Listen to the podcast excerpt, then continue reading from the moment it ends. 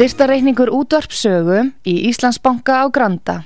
Útubú 513, höfubók 26, reikningur 2.11.11. Nánari upplýsingar á útvarpsaga.is. Takk fyrir stöðningin.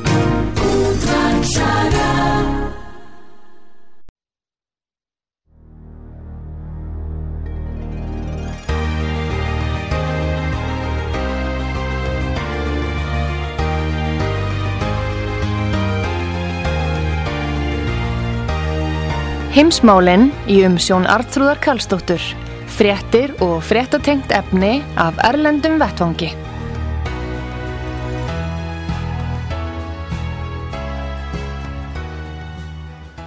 Komið þið sæl fyrir að hlusta út af sögu, Artrúður Karlsdóttir Hilsarökur og Pétur Gullaugsson. Til okkar er komin Leifur Arnarsson fyrir um flugstjóri og við ætlum að ræða um ímis erlend málefni sem eru að byrtast okkur og það eru óvanda fréttir frá G20 fundinum sem að við erum að heyra af núna og hann stendur yfir þar sem að helstu þjóðarleituar heims koma saman. Þar er óvæntu gestur svona okkar mati, það er Klaus Schwab og hann bóðaði það að verulega breytingar væri framundar í heiminum. Við ætlum að velta þessu upp fyrir okkur og fleiri málum sem að þessu tengjast og ymsum breytingu sem að okkur finnst uh, kalla á svör. Góðan dag Leifur Átnarsson og velkomin út að sögu. Velkomin, takk ykkur fyrir. Heyrðu, hvað segir okkur uh, að, það sem ég var að segja með G20 fundinum að uh, þarna byrti skindilega Klaus Schwab sem að jafnvel umheimurinn veit ekki alveg hver er en maður sem að ávarpar samt G20 fundin og, og bóðar breytingar í heiminum hvað, hvað viltu segja? Sko G20 er samsapn af 20 stæstu hagkerfum heims er 19 lönd og, og reyndar Evrópussambandið mm. Og þar eru þjóðkjörnir fulltrúar sem að er að ræða lífsins gang og nöðsynjar mm. uh, Klaus Schwab og, og World Economic Forum er allt annars slags.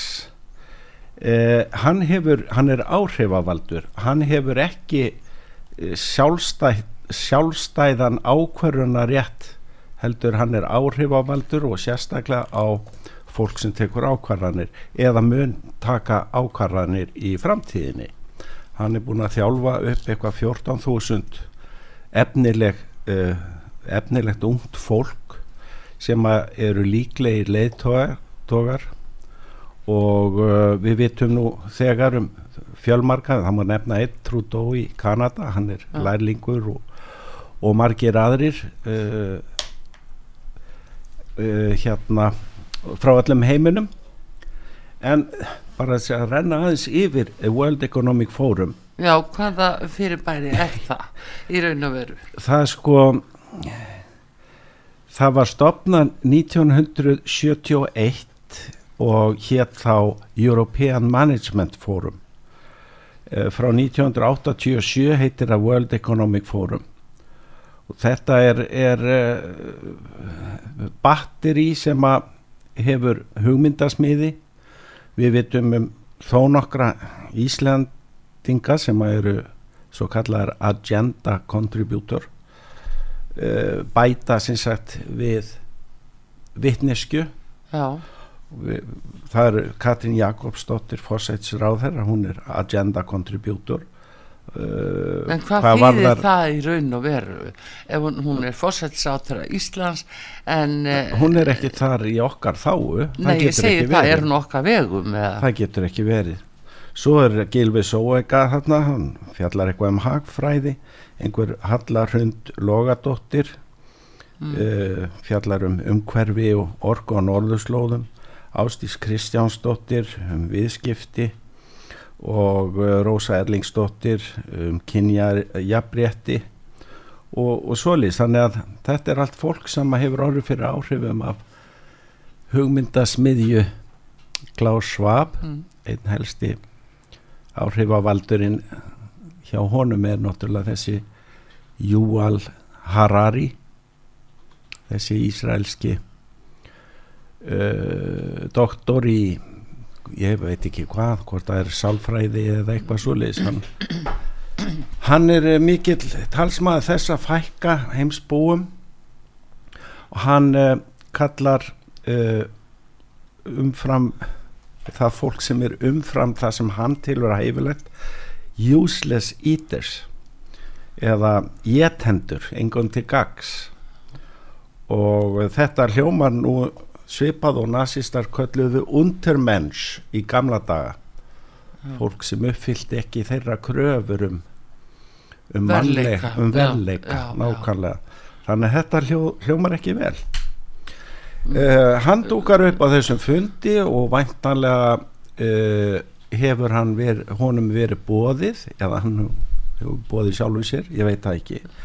En það kemur í ljós að um, efnisgráfundarins var lekið út og ég sá það á netinu að það var Xi Jinping sem skammaði Trudeau fyrir að hafa lekið út hérna, Dagskráni. dagskráni áður en að fundurinn hófst og það sést á netinu í hálfara mínútu þar sem hann Xi Jinping já, talar við hann með tólki mm. en svo takast þeir reyndar í hendur en hinn er svolítið skömmustilegur Trudeau. Já. Já, það, það er nú það, en sko er þetta þá, er þetta pólitísk eh, samtök eða þetta er stjórnmála stefna sem hann er að bóða, hann bóðar sem sagt breytingar í heiminum, hvernig á að skilja þetta, hvernig hefur við Íslendinga til dæmis að skilja þetta? Það verðist nú lega Artur lögð áherslu á það hjá honum að kom fram í sér ræðu sem að held að eh, stjórnmálamenn og stórfyrirtæki ættu að vinna saman.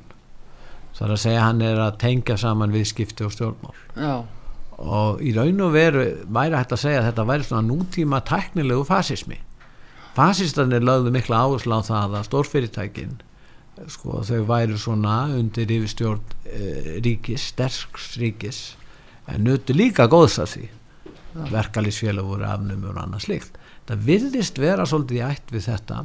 En mjög sem Leif var að benda á í sambandi við þessu Íslitinga við það getur náttúrulega engin þjóna tveimur herrum. Þannig að Íslitingar og ég tala nú ekki um sjálfur fósitisráþurann er að vinna að markmiðum þessara samtaka uh, hérna, hvaða herra er hún að þjóna? Það er spurning sem við verðum að fá svör við Það eru margt náttúrulega á, á þessar efnisgrá hjá World Economic Forum, það er kynja jafnrétti og, og, og staðakonunar í íslensku þjóðfélagi, Katrín hefur komið því og framfæri víst já, vel og, og, og það er efnahagur og svo framvegist, það er ve- vera að innræta hugmyndafræði þarna, já, hann segir nú í bókinni sinni hann Klaus Schwab þeir eru reyna, reynda tveir höfundar af bókinni The Great Narrative for a Better Future. Það er einn Leo Sagami á Ítalíu sem að farið í gegnum bókina og tekur hana í stuttum máli og segir bara markmiðið með þessu reset, þessari endur stillingu já, er uh, communist China, það er samt módelið. Að frá Kína. Já, módel kínverska samfélagið er módelið fyrir The Great Reset. Og það er svo gríðarlega margt sem við getum hort á í nútímanum eh, hvað hefur verið að gerast bara undanfarin tvö ár. Hérna er stutt eh, samantekt það eru dragdrottningar í barnaskólum inni á bókasöfnum jafnvel í kirkjum ein- einhvers staðar í bandaríkjónu sérstaklega. Mm. það er verið að snúa öll og kvolf það sem er er gott er núna vond og síðan eru náttúrulega verðið á matvælum. Mm það er verið að takmarka við höfum fjallað um það áður takmarka möguleikan á að rækta og, og ala upp dýr til matvæla Það verður að skera niður frekar. skera niður bæði í til dæmis sjávarútvegi og líka landbúnaði. Það er þessi tilneying að skera niður um 30% já. Já, hollendingar hafa nú orðið fyrir því og Sri Lanka. Já, og Ír- Írar. Og í því nafni að minga útblástur eða sagt, við nótkun á um, fertilizer hérna ábyrði Já, að minga sko mengunina vegna ábyrðarins mhm, og síðan er það uh, eldsneitið fljótandi eldsneitið eins og dísel og, og bensín og kól og olja og náttúrulegt gas og uh, hérna áherslan á vindmillur sólarsellur og svona sem að skila ekki nema takmarkaðri sko orku. Og síðan eru sprauturnar það eru takmarkanir á flutningsgetu aðfanga hvort sem um er að fjalla uh, mat, væli eða allur annar aðbúnaður. Mhm. gæti verið varahlutir í hvað eina og, og svo framvegis. Er það meina að sé tilbúin skortur? Það sé Tilbúin búin til skortur. skort staða það er uh, verðbólgan. Það er uh, veirurnar. Já, skrítið árið 2021 var held ég ekki skráð influensa á Íslandi, nú hefur frétt í morgun nú er hún, nú er hún komin loksins. Já Það var er spurningin- allavega. Já allavega far, En hún kom ekki í tvö ár. farin að skýra hana influensu núna. Já, og síðan er það náttúrulega viðbröðum við því. Það eru lokanir það eru grímurnar það eru bóluefnin. Mm. þetta kemur allt um allan heim á sama tíma. Þetta er þetta er það sem er að ske. Við ráðum ekkert við þetta. En er hægt að skrifa það bara á reikning völdu ökonomik fór? Nei, við erum, með club, kem, við erum með Club of Rome við erum með saminuðu þjóðirnar við erum með World Economic Forum og við erum fleiri svona batteri sem hafa sama markmið. Já, og þetta er, þetta er í raun og veru mjög gamalt uh, já, ef út í það farið. Já. En minn sko, þetta er núna skýr. Við höfum ekki svo sínilega eh, geta eh, bent á það, ekki verið áþreifalegt áður. Þetta hefur komið svona meira eins og vindurinn. Já. En núna getum við bent á þess að þú ert að telja upp ákveðna hluti að þeir eru okkur algjörlega sínilegir og þeir eru umverulegir. já, já, fyrir þá sem að vilja sjá Já, það eru margir sem eru svo, það trúa þeir á það sem að byrtist í almennum fjölmiðlum að þeir vilja ekki sjá annar Já, en ég minnist þess að hér að, að okkar fórsettisáþara, Katrín Jakobsdóttir, hún saði í viðtali fyrir rúmi árið síðan að það þyrfti að breyta menningunni og það tæki tíma að breyta menningunni. þegar þú tala um þetta artrúður Mm. þá er raun og vera á sínu tíma þá brást efnahastefna marxismans Já, og þá snýrður sér að því að umbreyta menningunni. Já, og það er það sem við erum að sjá í dag. Það er betur. það er það sem gengur yfir. Og forsendan fyrir því að þeir nái árangri er einmitt að tengja ríkisvaldið við stóru fyrirtækin, ekki litlu fyrirtækin, stóru fyrirtækin. Koma á mikillir miðstyringu styðja ríkjasambandi eins og Evropasambandið og Kína það sem reikið er jú nokkuð skona markasækjali sem selur minnskosti inn á þau kerfi en jáfnframt eh, er, er um að ræða allræðistjórn eða, eða ennræðistjórn sem að hérna bóðar ákveðna menningarstefnu. Og ef við segjum til dæmis við sjáum það greinilega öllum sviðum það má eiginlega orða þetta þannig að það sé ákveðin helmingaskipti. Við getum tekið Íslands sem dæmi. Já, hér er ríkistjórn annars vegar með sjálfstæðisflokki og svo vinstri grænum. Hvað fáum við-. Já og svo framsókn er þarna ég svona til hliðar Mm. það er svona kannski meira sem uppfylling af því en, en þarna er gerður ákveðin samningur raun og veru þó að sé ekki kannski skráður og, og, og annars vegar er það að Vafki leggur áherslu á, á, á að stjórna stefnunni, skólamálum fjölmiðlum Gildismatinu. eh, gildismatinu lofslagsmálum Mm. uh, helbriðismálum uh, flóttamannamálum það er eitt mál til dæmis sem hefur gott dæmi. Uh, þarna hafa þeir vilja ráða því og menningarmassist en þeir vilja flytja inn fólk í stóru stíl. Það er alveg ljóst. Og hérna síðan eru það svona hafa þeir verið andvaralösir sem borgarlegu flokkandir en sumir þingmenn þær eru farin að rísa upp og segja að þetta getur ekki gengið lengur. Þá finna menn fyrir ágreiningnum. Sko við getum tekið það sem dæmi. En í grundvallaratriðum er verið að krefja eins og Klaus Schwab er að gera meiri miðstýringu og hann gerir það með því að eins og að segja rækta stjórnmálamenn, unga stjórnmálamenn og hafa áhrif á þá. Og það er líka svolítið aftur í tímanu tök Tony Blair. Og, og svo sá sem tók við hann David Cameron, það er ekki munur á David Cameron og, og Tony Blair. Og við tökum íhalsflokkin í dag til dæmis ef við tökum flóttamannamáli þeir ger ekkert í þeim málum.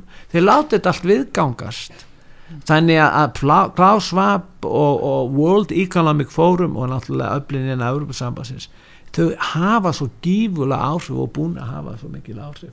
Og þau bara ganga alltaf lengur og lengur og það er auðveldara fyrir þá eftir þeir eru búin að koma þessu fyrir koma sér fyrir í þessum jarðveg áður. Og nú eru þeir að bara hlaða þessu upp og, og hlaða utan um þann árangur sem þeir telja sig hafa náð. Og nú er fjölmargir ungi stjórnmálamenn sem telja besta leiðin til, á framabrautinni er einmitt að aðhyllast þetta burt sér frá því hvort að hugmyndafræðin sé hugnarlega ekki. Já, en bara að þannig að þe þeirra markmiði er að ná yfir höndinni yfir menningunni. Eh, yfir, Já, yfir stjórnmálamennunum já vegna sér telja menn hafi nú sko það var einn grundvallar atriði bæði hjá marxistónum uppalega og svo kannski hjá frjálsíkjumönnu líka að efnahagskerfið væri sá þáttur samfélagsins sem skipti mestu máli til að fá ná völdum. Nú hafa menn svona þessir lagt áherslu á það að þú stjórnar menningunni þá hefur áhrif á viðhorfin til lengri tíma og þar með nærði yfirhöndinni í að stjórna samfélaginu. Og í beinu framhaldi af því sem þú sagðir menningamarxismin stór fyrirtækin það er verið að eigða millistjætti Já, hún, hún, hún er bara á látin bó þeir tekja eftir því, hún er látin greiða fyrir að það verða hrun þá lendir á millistéttinni. Litlu og meðalstóru fyrirtækinu og millistéttinni það er alltaf verið að þrengja þessu fólki. Það verður alltaf að leggja á sig meiri jafnvel meiri mentun til að selja vinnuapsitt á dýrara verði. Þetta fólk, þetta er alltaf verið að þrengja þessu. En jáfnframt óttast menningamassistannir að þeir getur farið að gera kröfur. Þess vegna þarf að draga úr mætti millistéttarinnar þannig að þeir vilja ekki valdefla hana heldur eins að aðra hópa sem gætu, þeir gætu notað gegn henni. Já, en hvað með þá eins og fjölmila?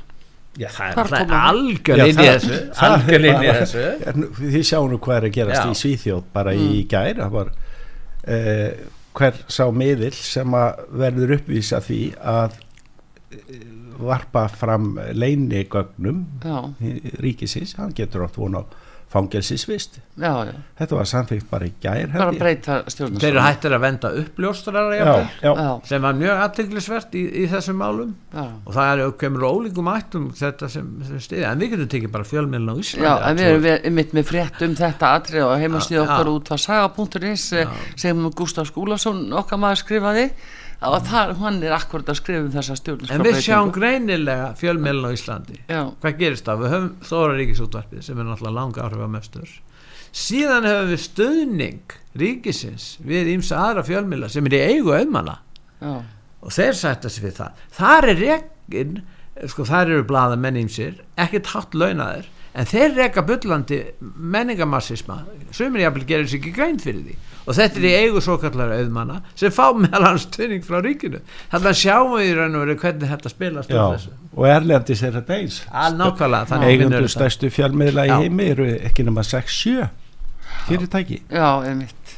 Já, Já, já, En svo er daldið merkilegt hérna, ég fann á netinu uh, minnisblað frá Fredrik Jaff sem var varaforseti uh, dóttur fyrirtækis Rockefeller, eða fyrirtæki sem var stutt af Rockefeller og hétt Planned Parenthood. Já, og uh, þetta frá 1969 og þar er verið að tala um að endurskipuleggja kjarnafjölskylduna mm. nucleus family eh, forðast eða fresta hjónaböndum. Eh, minka fjölskyldustærðina. Eh, hafa stjórn á eh, fertility eða hérna frjósemi. frjósemi. Uh, og það jafnvel með því að setja efni í drikjavatn það er verið að hvetja konur til þess að vinna.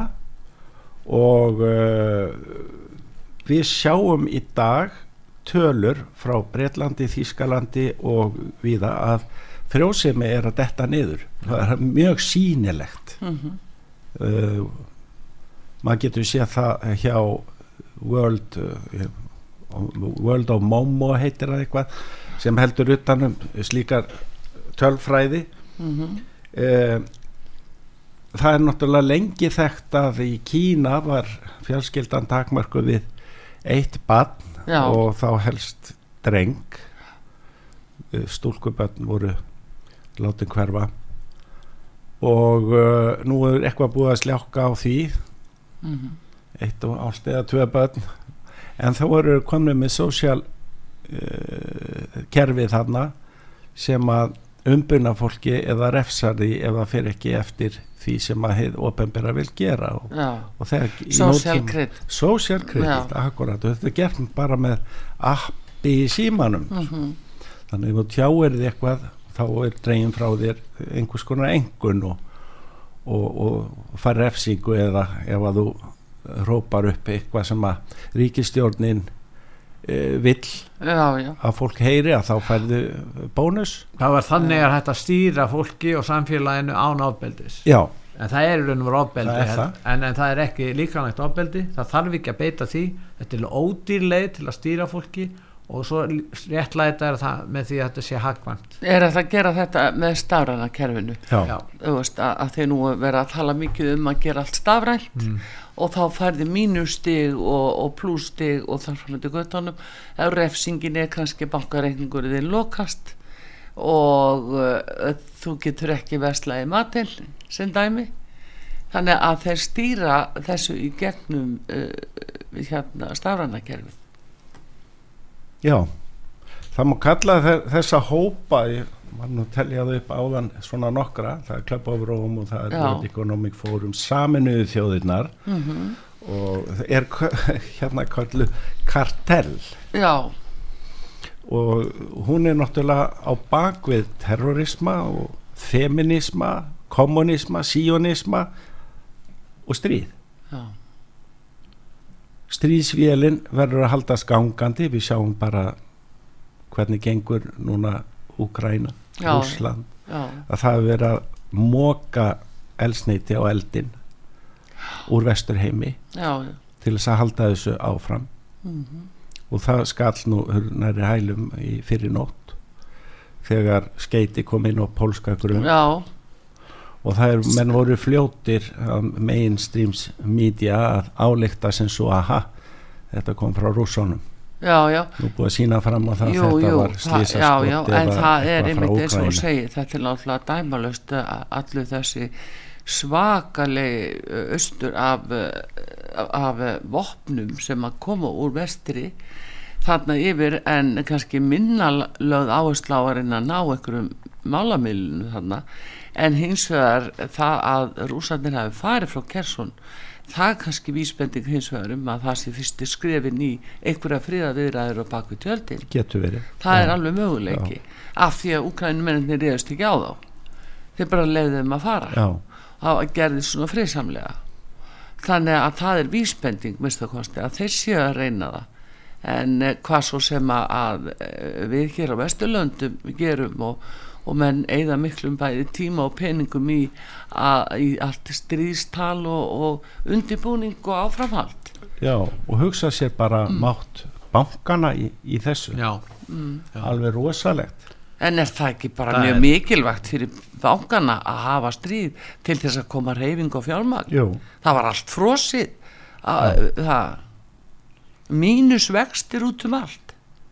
Já, já. svo er þetta hvað heitir það, kryptofyrirtæki hérna FTX Já. það var farið á hausinn það var ungur pildur sem að stofnaði það á sínu Já, tíma bitcoin. einhvers konar svona Já, krypto já, dæmi já, og uh, ég á nú eftir að skoða það betur hann var líka með fjárfestingafélag sem að Já. fór á hausinn og hann var eh, stutti stjórnmáluminn ákveðina og ákveðina hópa og félög og hann var, sko það skilur engin hvernig svona maður gæti verið ríkur á örfáum árum, tve, mm. hann var metin á 32 biljónir Já. Banda. það var sko inn- innan við þrítugt sko. Já, hann var, var, að, var að vinna þetta inn á, á nokkrum árum bara það tók hann 2-3 ár svo bjóð hann á Bahamas mhm, það sem er skattaparadís í ljósa þetta fyrirtæki uh, uh, hefur miklu meiri áhrif heldur en við sjáum í dag Já. við munum sjá það alheims áhrif Já, þetta En- eru svo gríðarlega margir fjárfestar á bakvið þetta já, en við, við köllum þetta svona almennt bitcoin eh, Já, þetta er rafmynd. Næstæsta verða ekki Já, en hvað, fyrir hvern starfað hann? Hvað var Hann það? var að kaupa upp held í Bitcoin fyrirtæki sem voru í erfileikum Já. það skildi enginn akkur að hann væri að því og en aðmýrst að þjána mjög á því og, og mér skilst að hann sé þekki vel og er vinnur svona þess aðalega sem stýrir fjármála eftirlutun í bandaríkjan Já, þannig að það er svona ymst tengsl þar. En Soros er sá sem að lagði mest til demokrataflokksins núna. Já, en í öðru sæti var þessi maður, þessi Sam. Já, sem er núna já, þessi, þessi drengur Kominn út í. Þessi hérna, hann tapaði 16 miljardum dala yfir eina nótt og það er skýring, skýringaminn sem fylgir frétt sem er vídeo og fjallar um áhrifin sem að fall hans muni hafa.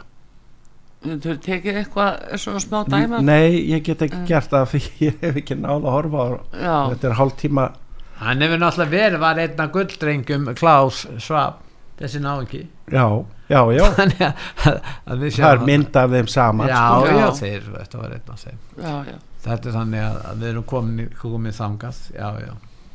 Og svo er svona margt sem verður að ræða um sérstaklega við sambandi við stríði í Ukrænu hvað verður um alla þessar peninga? Já, og, og það sem er svo enginlegt við þennan mann þennan sem vorum að tala um þennan með uh, þessa fyrirtæki hérna, ramitta fyrirtæki Bankmann heitir það já, Sam Backman að það er svo skrítið sko, hvað varðum þessa peninga? Menn veit ekkert hvað, hvað varð. Það er svo peningar bara kufu já, og það Þetta- er þetta Þú nefnir þessa sko stríspenninga svo kvöldu já, og svo Ukrænu, hvað verður Já, um hvað verður um það og hvert er eftirlitið? Og síðan líka og við erum að spyrja hérna hvað verður um þessa loftlagsfjármuni sem eru greittir ríkisjóð Íslands? Hvert fara þeir? Í hvað það þarf bara að byggja þingmennum að spyrjast fyrir um það Já, en það verður, sko það ver, verður svo mikið fát á mannskapnum Já. ef þú talar um þetta. Það eru svo farið allir í vörn, það vil enginn tala um það, helst ekki og síðan sé ég það að það er samþýtt frá Evrópusambandur núna, nú að setja það fram sem hatursorræðu ef að, að þú gaggrínir loftlasaðgerir. já, Það bylnins atkvæðagreisla eh, innan ESB út af því. það er allt loftslæginu að kenna. Eitt dæmi, dæmi er Dame Jenny Harris. Hún er öðluð. Hún er uh, aðalfrankvæmdastjóri heilbyrðistofnunar í, í Bretlandi.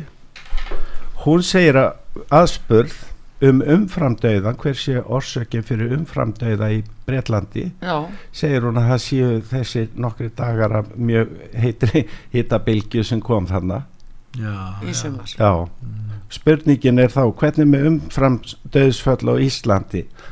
Er það vegna 20 stíða hitta á Ísturlandi í nokkra klukkutíma eða nokkra daga Já, og við erum með Evrópumet í umframdauðsvöld. við vorum með Evrópu með 55,8% þetta er svona það er kólna á þessar öll hjá ykkur frekar og svona ég, jafnvel sko þe- Nei, meina, þe- þetta er okkur sagt, sko, skiljið. já, þetta er eins og vísindin sko að það megi ekki ræða um uh, hver er raunveruleg ástæða þessa umframdauða það er eins og vísindin sé orðin þannig að nú er stofnuð uh, nefnd til þess að rannsaka hvað gerist þegar lappir eru teknar undan flugu Já, þeir taka eina uh, löpp undan og segja hann að hoppa og hún hoppar.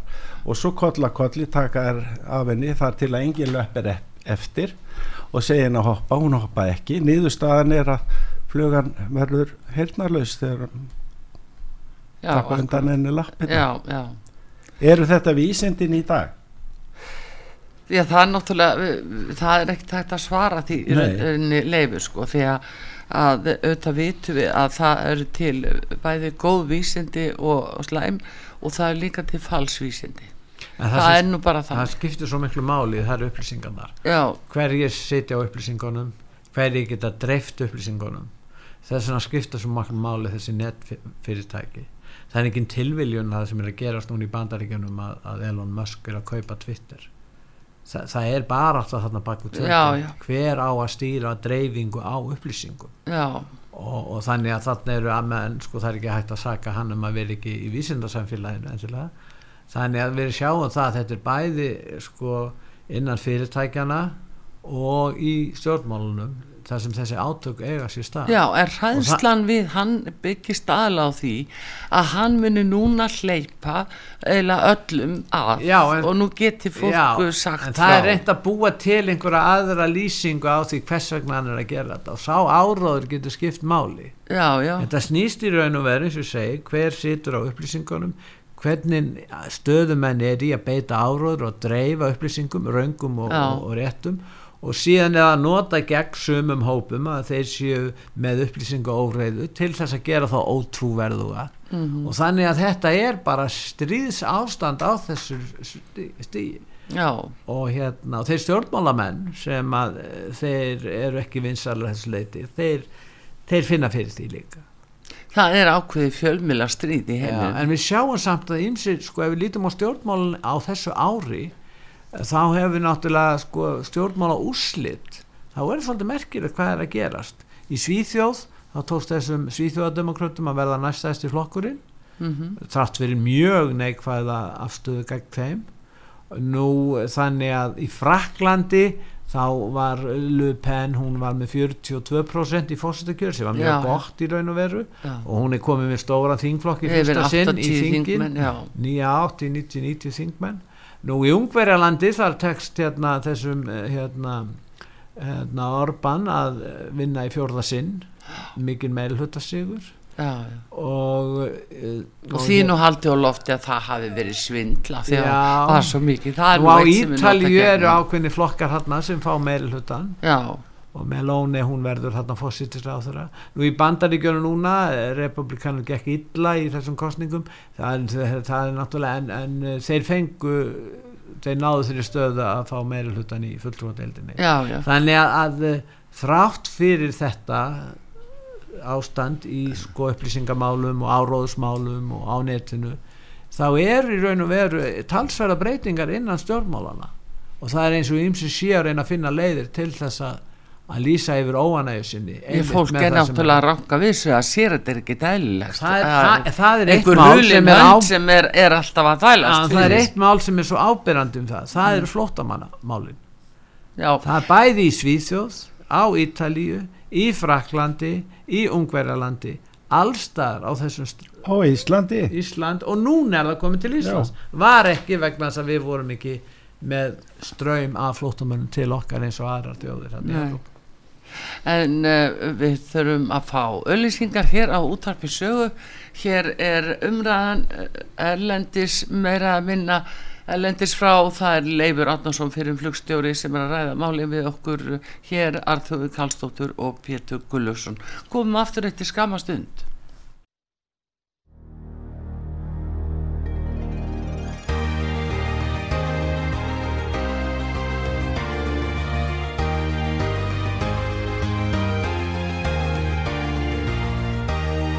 Heimsmálin í umsjón Artrúðar Karlsdóttur. Fréttir og fréttatengt efni af Erlendum Vettvangi. Komið þið sæl aftur Leifur Árnason fyrir um flugstjóri, hann er gestur okkar Pétur Skullusona hér á útvarpi sögu. Við erum að ræða um World Economic Forum, byrjuðum á því, að reyna áttungur á því uh, hvers konar samtök það eru og hvaða áhrif við erum að ræða um Schwab og uh, óvænta eila uh, framsetningu hans á G20 rástefninni og einhvern veginn finnst manni hann ekki hafa átt að vera þar eða vorum við búin að komast þær í nýjastöðu af hverju og hvort hann ætti að vera þarna á þessari rástefnu er þetta að missa margs eða er þetta bara að verða svona sýnilegt að, að heimurinn er bara breyttur og það eru varanlegt þetta er bara að gerast og þeir hafa sagt frá þessu í langan tíma, þeir hafa ekki falið neitt. Nei, það kemur fram í gömlum uh, bókarskriflum og, og skýslum og Rockefeller Foundation sem ég hef minnst á hérna, 2010 mm, búið að skrifa um þetta allt saman en með raunverulega sko þá er bara fólk ekki trúa þessu Nei. haldi bara að þetta væri eitthvað vittlæsa og þess vegna geta þeir alltaf haldið áfram allir Já. sínu af því að þetta er svo með ólíkindum En er ekki gott þetta er orðið meira sýnilegt? Þá getur Jú, fólk mikil sér grein. Fyrir því, hvað er Já, að gerast já. og þá fer fram meiri umræð um þetta þá á þetta erindi til almennings Já. áður fyrir var að tala um það þeir sem var að fjalla um þetta með neikvæðum hætti væri með samsæriskenningar væri samsæriskenningarsmiðin. Nú er þetta orðið opinbert hann er búin að flytja ræður um það hver stefnan er Já. og nú er þetta að tengja þetta við levandi stjórnmálamenn og þá geta menn farið inn í umræðina um þetta og rætt svona málöfnilega hátt um hvað er að gerast á þessu svið Já, það, er, eh, það var líka ábyrjandi á þessari rástefnu að þar voru þeir alltaf komnir í sérstakar skýrtur, þeir voru komnir í einn skýrtur, svona máskýrtur í mismunandi litur Sjá, Sáuðu hvað þetta var óhugnlega hann var í svona mussu sem á var í. já, svipað. Já. Og bætið maður koni einn á svona græna þetta er alveg satt þetta er bara, það var rosald að sjá það. Síðan er sko í viðbót við þetta er, eru læknisfræði nútímans í sambandi við þetta COVID. Já, það er engin vísindi á bakvið þessar lokanir og, og, og þetta dót. Og þegar stanslösa legar um sprauturnar Já. og um ágæti þeirra. Já, það var nú fljótt að koma í ljós að að hvorki verndar gegn síkingu eða smiti nei, nei eins og en skadar hins vegar Já, einmitt. En þið muni líka svo hérna, farið í setni sprutuna til að vera full bólusett. Ha, er þetta þetta var, fólk að ljúa vísvitandi eða veita ekki betur tekur að við skipunum frá alþjóða heilbyrðismálastofnunni blind já, um ekki að gefa þeim það. Já, ef að læknir hefur að, það var nú fréttið einhver amerísku læknir það verið að hóta honum 500 miljardar dollara sekt já, fyrir það að mæla með D-vitamin á meðan þetta gekk yfir já, já, þetta er alltaf alveg Þetta er gríðarleir. hett. Alveg svo. Alex Jones fekk Já. 1,2 triljónir þetta er bara bull Já, já, það við vitum að er komið út í geggjun, sko. Við erum domstólarnir færðin að taka þátt í þessu leika sko. En varðandi vísindin í þessu ég meina eitt dæmi sem kannski venjulegi leikmaður spyr upprinni þessara veiru sem er búin að valda svona miklu tjóni hver er upprinni? Það menn vil ekki ræða það. Nei, nei, þá svara menn það skiptir ekki máli hver er Það eins, eins, eins, og, eins og það skiptir ekki máli og það sé ekki ástæða og vísindarlegt markmið að þekka uppruna. Og er það svo erfitt að rekja upp, uppruna? Fara þanga Já, er strax það ekki og- skrítið að vísindamenn sem gefa sér út fyrir miskust að vera það að þeir segja að það skipti ekki máli Já, að upplýsa um Þeir segja að það skiptir ekki máli það er grunnsannlegt Nei, menn það Nei, er er sérkilegt Má ekki- ef að má það ekki Nei og líka það. akkur er ekki búin að því? Er það svona erfitt? Þeir segjast geta lækna hvað sem er. Þeir geta að treysta þeim á því sviði en það sé svo erfitt og flókið að, að rekja uppruna verunar manni finnst þetta Jú, sko, það er náttúrulega eitt af því sem að kastaði strax torþingni á þetta mál. Það var uh, þessi óvilji bæði að fara til Kína og eins og Trump vildi gera. Hann vildi senda sína sveit manna uh, inn til Kína til að fá að rannsaka þetta og það var stoppa strax. Já.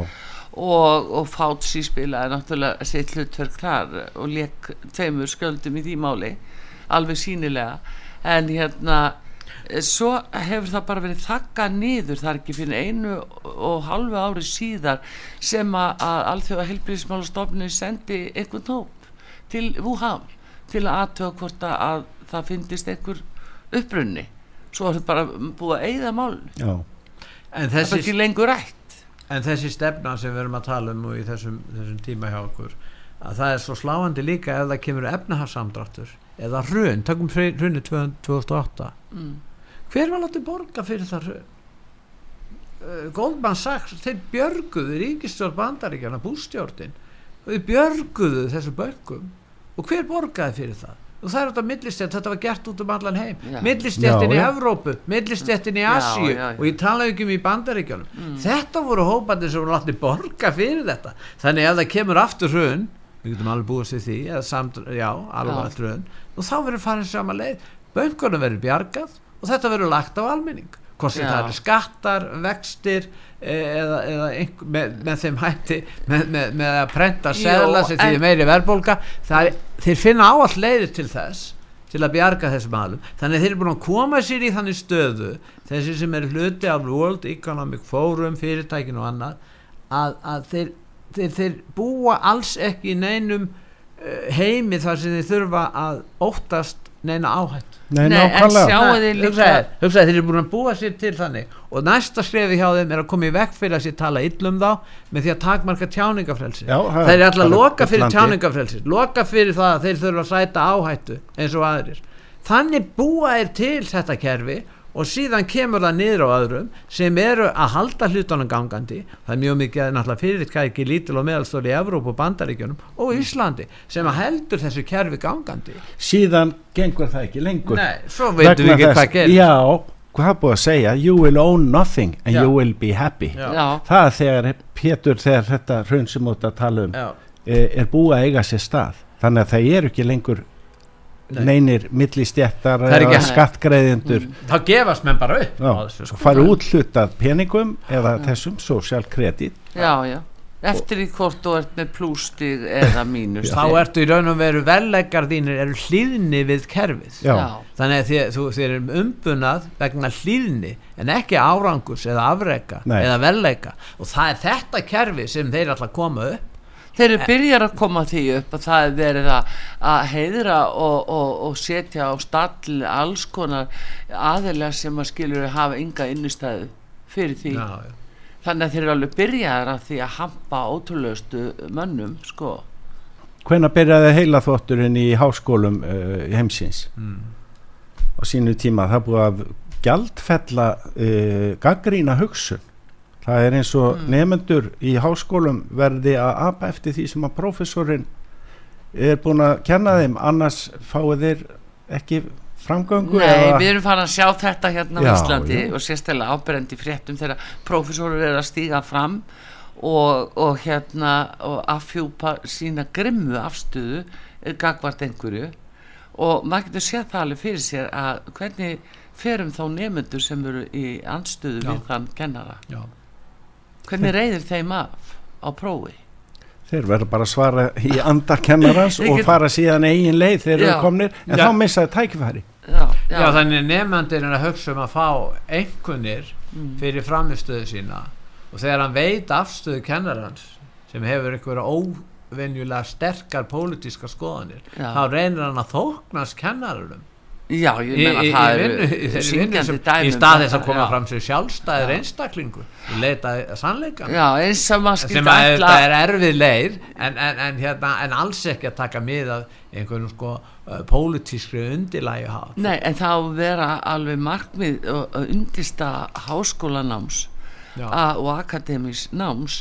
Það er ymmit að einstaklingu þori að mynda sér eigin skoðanir og, og geta fært rauk fyrir þeim og staðið og fallið með sjálfu sér. Nákvæmlega. Þannig á fólk að geta útskrifast að það þori að fara út í samfélagi með það a- í fanginu.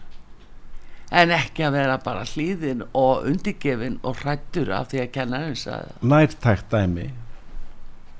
Sjálfstæði lækna Já. í Já. þessu öllu saman. Já, læknar eru að tjá sig og koma með uh, hugmyndir um, mm, um meðferðir við veirusjúkdómum eða eitthvað svona, þeir mega það ekki og ef þið tjá sig þá bara missa þær læknarleifið sko. samt er í grein mannréttasáttmál Evrópu sem er hluta landsrétti hér á Íslandi þar er hérna, samfæringarétturinn já, lögfestur réttur til að hafa samfæringu en það er ekkert farið eftir. Nei.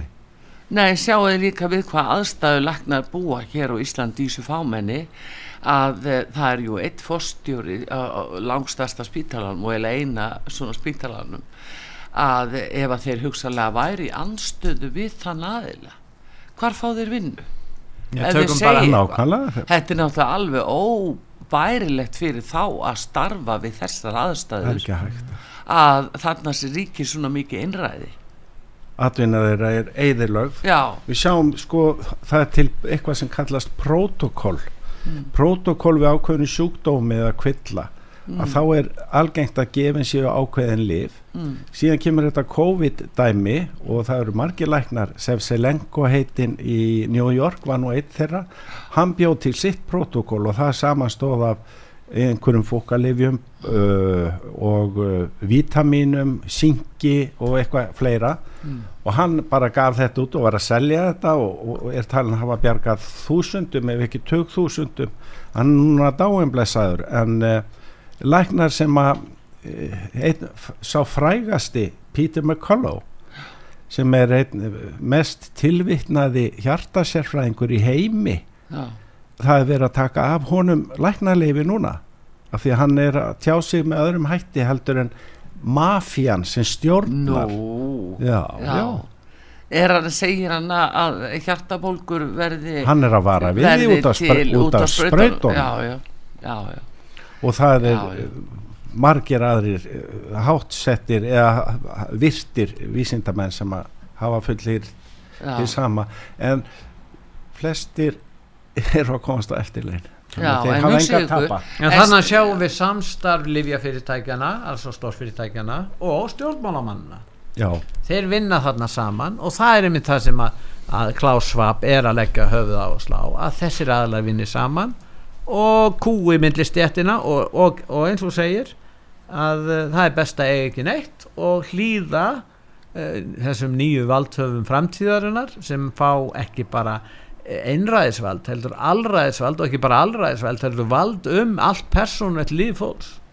Já og áhrifin koma ekki síst frá livjafyrirtækjunum sem fengu aflátsbref uh, á Reagan tímabilinu held ég Mm. að hafi verið 1986 voru sett í lög í bandaríkjunum að uh, livjafyrirtækin sem að framleiða bólefni uh, þú, það er ekki hægt að lögsækja þau á meðan að bólefnið er uh, í, á tilraunastígi og við vitum að þetta bólefni er búið að vera á tilraunastígi og er enn Já, að Og- þeir komust í börnin. Þeir gáttu komið með barna um, eða sögðu að væri fyrir börnin til að fram, það framlengja neðarleifinu þegar ef að það ekki verið hægt þá hefðu það runni út. Já. og þeir eru orðið að leifa yfirmæktin Já, þannig að þetta er nefnilega er svona feik, svona spil. Og í Breitlandi var nú þessi Midasolam Matt Matt Hancock sem var yfir maður heilbriðismála í Breitlandi Já, hann uh, hérna, hann kallaði Midasolam Matt því hann létt læknis þjónustun að ganga út á það þegar sjúklingur kæmi á, á spítala og væri illa haldinn að hann er settur í öndunarvél og gefið Midasolam Já, sem er, er eh, bara til að flýta fyrir dauða sko, það er ekkert öðruvísi.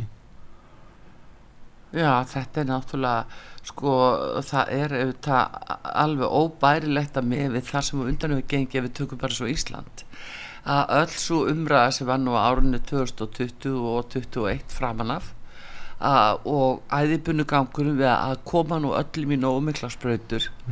Og að án þess að hafa hugmyndum hvert innihalds efni sprautana er. Því það get- er ekkert búið að gefa það upp. Artur, þeir geta left sér þetta vegna þess að þeir eru aldrei dregnir til ábyrðar Nei, þeir er þerfa bara. nei, það er ekki bara það, það er bara ekki hægt. Það er einhver stopnarnir sem geta dreigja til ábyrðar þeir stjórna öllu. Það er þessi samrunni og samvinna stórfyrirtækjana og auðsins annars vegar og ríkisvaldsins hins vegar. Og svo er hvernig þetta ætlar þá að draga þá til ábyrðar við erum að tala í dag um svona mál sem er kannski smámál í stóra samhenginu Íslandssölubanka málið Já. það fyrir engin dregin til ábyrðar fyrir það. Við vitum sko að það er innihaldslýsing með bólefninu, til dæmis Pfizer. Já, En uh, það búið að finna út að það, uh, það er eitthvað meira í því heldur en, og það voru spánverja sem voru fyrstir held ég til þess að uppgöta það. Og núna um daginn einhver held ég amerísku læknir, man ekki hvað hann heitir, hann uh, setti uh, svona bóluefni dropa í blóð já, og undir smásjá. Og hann let uh, myndavél taka upp í held í 48 klukkustundir síðan stytti hann þetta niður í eina eða tvær mínútur. Já, og það sem sérst þar er óhugulegt uh, hvað einhver reyfing á sér stað já, sem að gera svo hægt að ef þú horfir á það í smásjánu þá tekur ekkert eftir því. En þegar þetta er sínt já, þá sér, það er eitthvað sem gengur á. Og hann prófaði það undir rafsegulbylgjum. Já, og komst að því að það er einhver reyfing sem að gerist hérna og þetta er þetta mRNA þetta já, sem er hannað til þess að afhenda efni eða uh, lif mhm, á ákveðnu stað. Mm, það er f- setja því í blóðrósin og það fyrir upp í heila ef það fara upp í heila sko. þannig að þetta er svo flókið allt saman að uh, jú það er reynda búið að finna út að það er grafínoxid í bólefninu sem er ekki tilgreint í innihaldslýsingu. Nei, nei. Meðal annars en uh, hvað er í gangi það veit maður ekki. Akkurat, en það er líka hérna, var náttúrulega ástæða fyrir því að eins og Pfizer þeir fóru fram á 75 ára lengd á innihald. Þöggun. Ha, akkur báður um þessa lengd í 75 ár?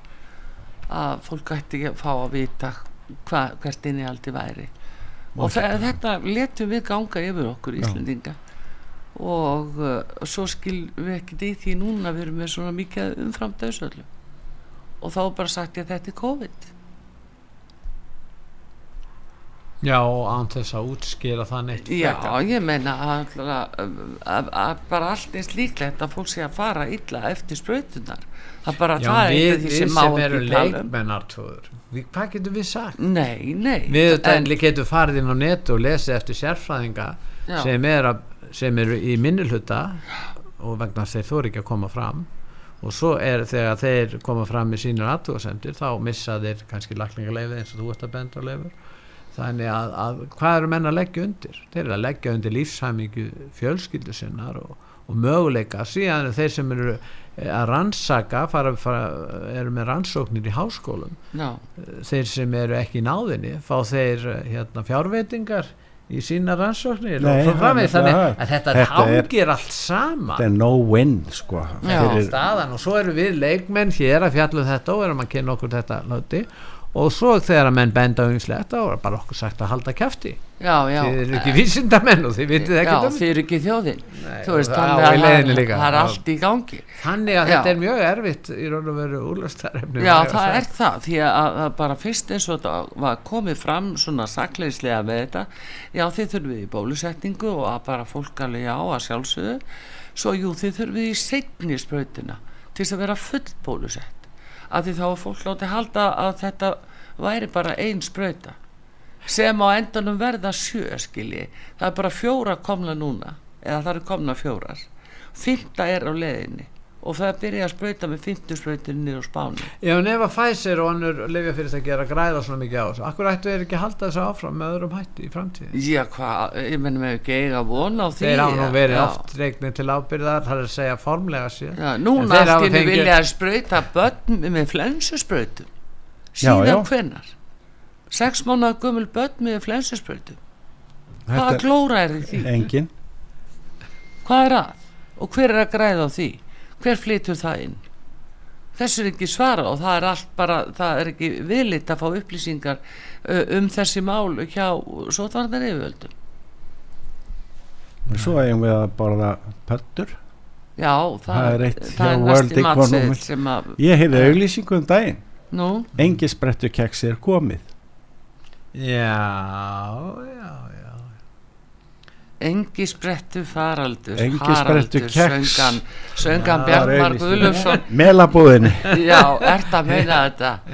Erðu alltaf batnar það? En ég heldur verðum að segja þetta gott uh, í þessum dætti leifur gaman að fá þig og fróðlegt að heyra þetta um World Economic Forum og, og sem að við eða erum að reyna að glögg okkur á. Uh, þarna eru ýmsir Íslendingar innanborðs og meðal annars fórsættisráðra og við vitum ekki hvort að það er að hafa áhrif á stjórn hennar á landinu en við þurfum sannlega að fá að vita það að, að hvort að svo sé. Og það er ekkit útsýð með það hverjar afleðingar þess verða. En við ætlum að, að ljúka þessu. Leifur Átnason fyrir flugstjóri bestu þakki fyrir komuna.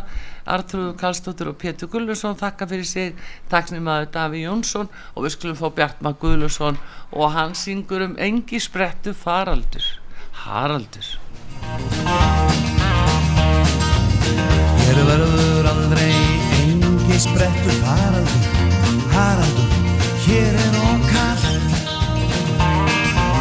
Hér koma aldrei málaðar mannætur, mundu það, hér er okk svart.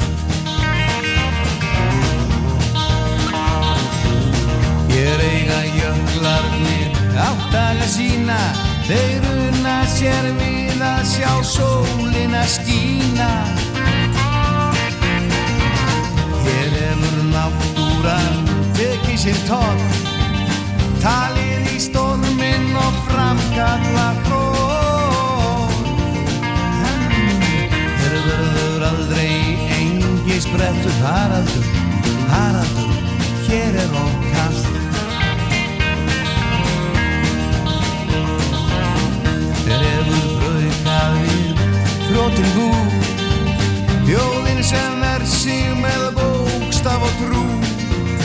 Hér gætu komið konunga fjöld með krónuna röpum og spóðið fram gjöld. En hér verður aldrei engi sprettur Haraldur, Haraldur, hér er okkast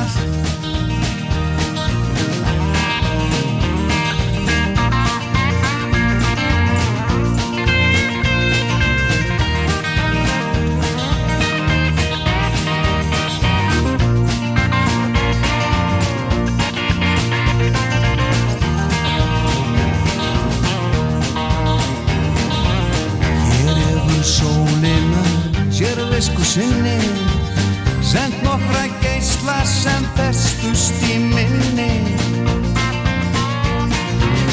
Hér vektu elska austræn börn Una sér vel þegar frostbrinjar kjör. En hér verður aldrei engi sprettur Haraldur, Haraldur, hér er Hér koma aldrei málaðar mannætur. Mundu það, hér er of smalt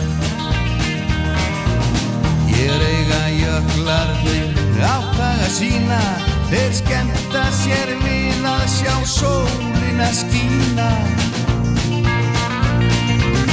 Hér hefur þraukað við þrótum hú. Þjóðin sem verð sig með bókstaf og trú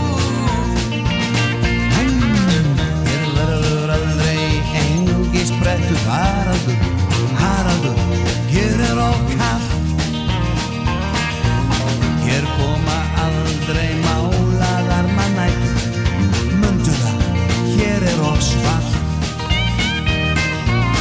Hér verður aldrei engi sprettu Haraldur, Haraldur, hér er of